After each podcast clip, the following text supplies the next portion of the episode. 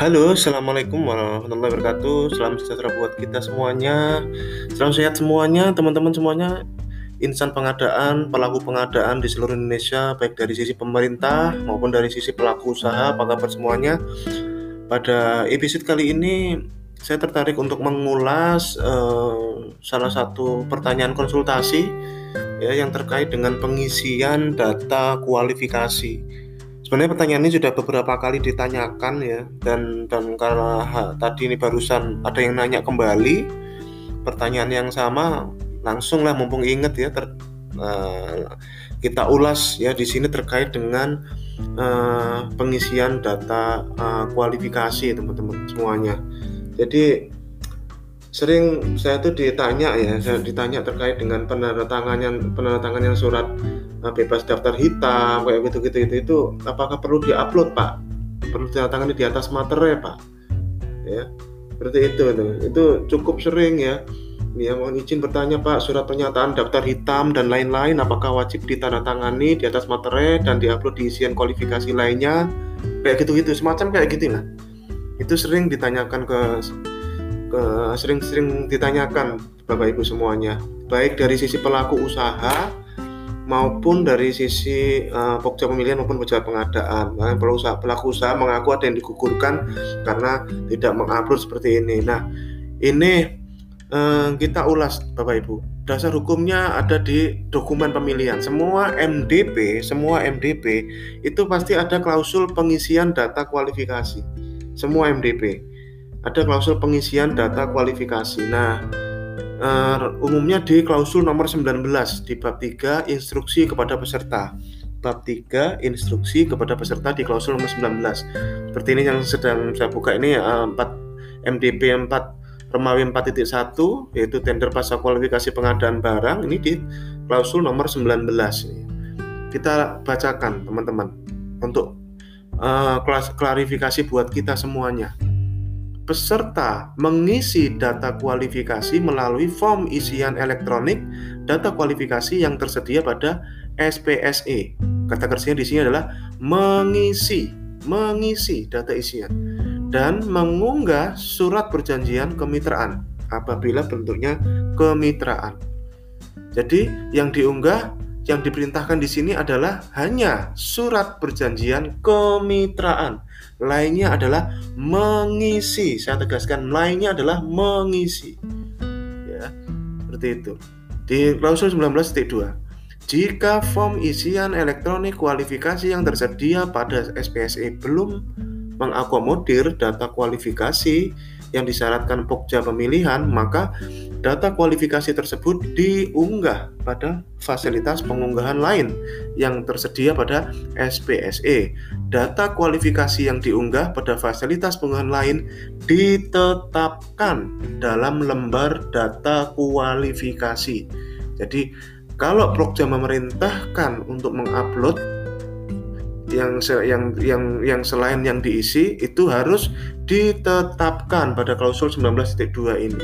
Dan itu tentunya adalah yang disuruh ngupload itu adalah yang yang tidak ada diisi. Contohnya contohnya misalnya ini ya kebijakan yang baru ini ya eh, KSWP konfirmasi uh, uh, status wajib pajak ya valid validitas wajib pajak ini. Nah di SPSE di fasilitas Nah, form isian elektronik SPSE kan status valid kan tidak langsung muncul gitu ya, tidak ada ya. Yang ada adalah isian NPWP sama SPT tahunan, tapi itu juga belum menjamin valid. Nah, ini karena peraturan baru bisa bisa saja Pokja memerintahkan mengunggah tangkapan layar atau screenshot status valid KSWP pada fasilitas pengunggahan lainnya. Ya, seperti itu. Itu yang bisa hal-hal seperti itulah yang bisa di, disuruh upload ya, hal-hal yang tidak memang tidak ada di isiannya karena perintah utamanya di sini adalah mengisi sisi 19.1. Nah, kemudian di 19.3 yang ini yang jadi konten utama dari episode ini. Dengan mengirimkan data kualifikasi secara elektronik, peserta termasuk anggota kemitraan menyetujui pernyataan sebagai berikut. A. Yang bersangkutan dan manajemennya tidak dalam pengawasan pengadilan, tidak pelit, dan kegiatan usahanya tidak sedang dihentikan. Yang bersangkutan berikut pengurus badan usaha tidak sedang dikenakan sanksi daftar hitam. Nah, sudah mulai terjawab ya tadi ya pertanyaan tadi ya. J. Yang bertindak untuk dan atas nama badan usaha tidak sedang menjalani sanksi pidana. Ya, ini adalah pernyataan ya. ya jadi menyetujui pernyataan. Ini kata kuncinya di situ menyetujui pernyataan dengan mengirimkan data kualifikasi secara elektronik ya. Saya ulangi lagi kalimat depannya dengan mengirimkan data kualifikasi secara elektronik beserta menyetujui pernyataan menyetujui pernyataan yang tadi itu baru sampai, sampai C ya.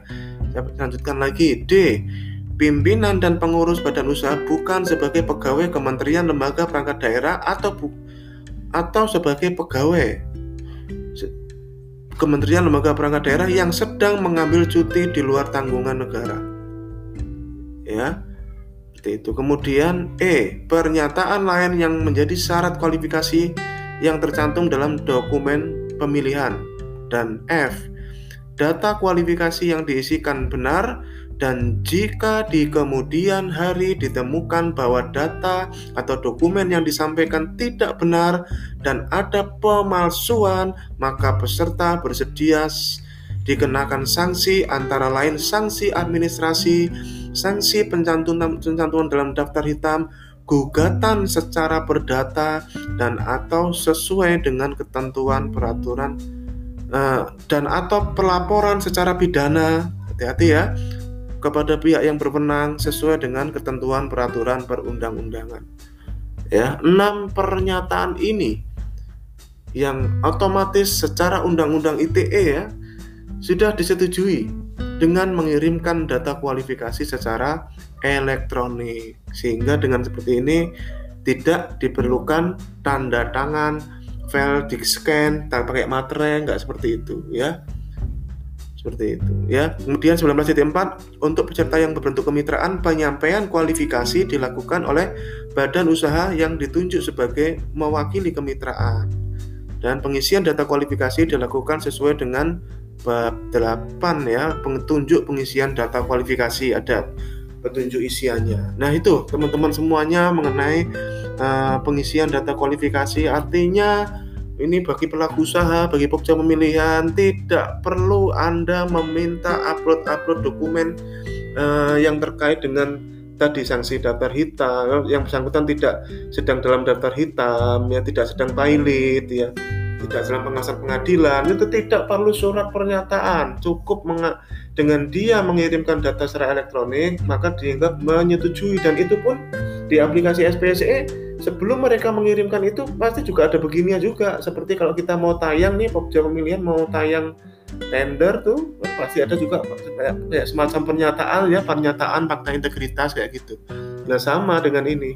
Bagi pelaku usaha sebelum mereka mengirimkan data kualifikasi juga ada pernyataan seperti ini ya. Jadi seperti itu. Jadi semoga dengan episode podcast ini ke depan jangan ada lagi gugur-guguran terkait hanya nggak menyampaikan surat pernyataan uh, bebas daftar hitam, bebas pilot ya. Itu sudah zamannya era revolusi industri 4.0 berbeda Bapak Ibu ya. Undang-undang ITE berlaku ya. Undang-undang ITE berlaku karena aplikasi SPSE adalah aplikasi yang digunakan untuk pengadaan barang jasa pemerintah yang di, yang merupakan turunan dari Perpres ya. Seperti itu, semoga bisa bermanfaat. Salam sehat semuanya. Pesan untuk kita semuanya, jadilah pelaku pengadaan, bukan pemain pengadaan. Dan jangan korbankan orang-orang yang menunggu Anda di rumah. Terima kasih. Assalamualaikum warahmatullahi wabarakatuh. Salam pengadaan. Sukses buat kita semuanya.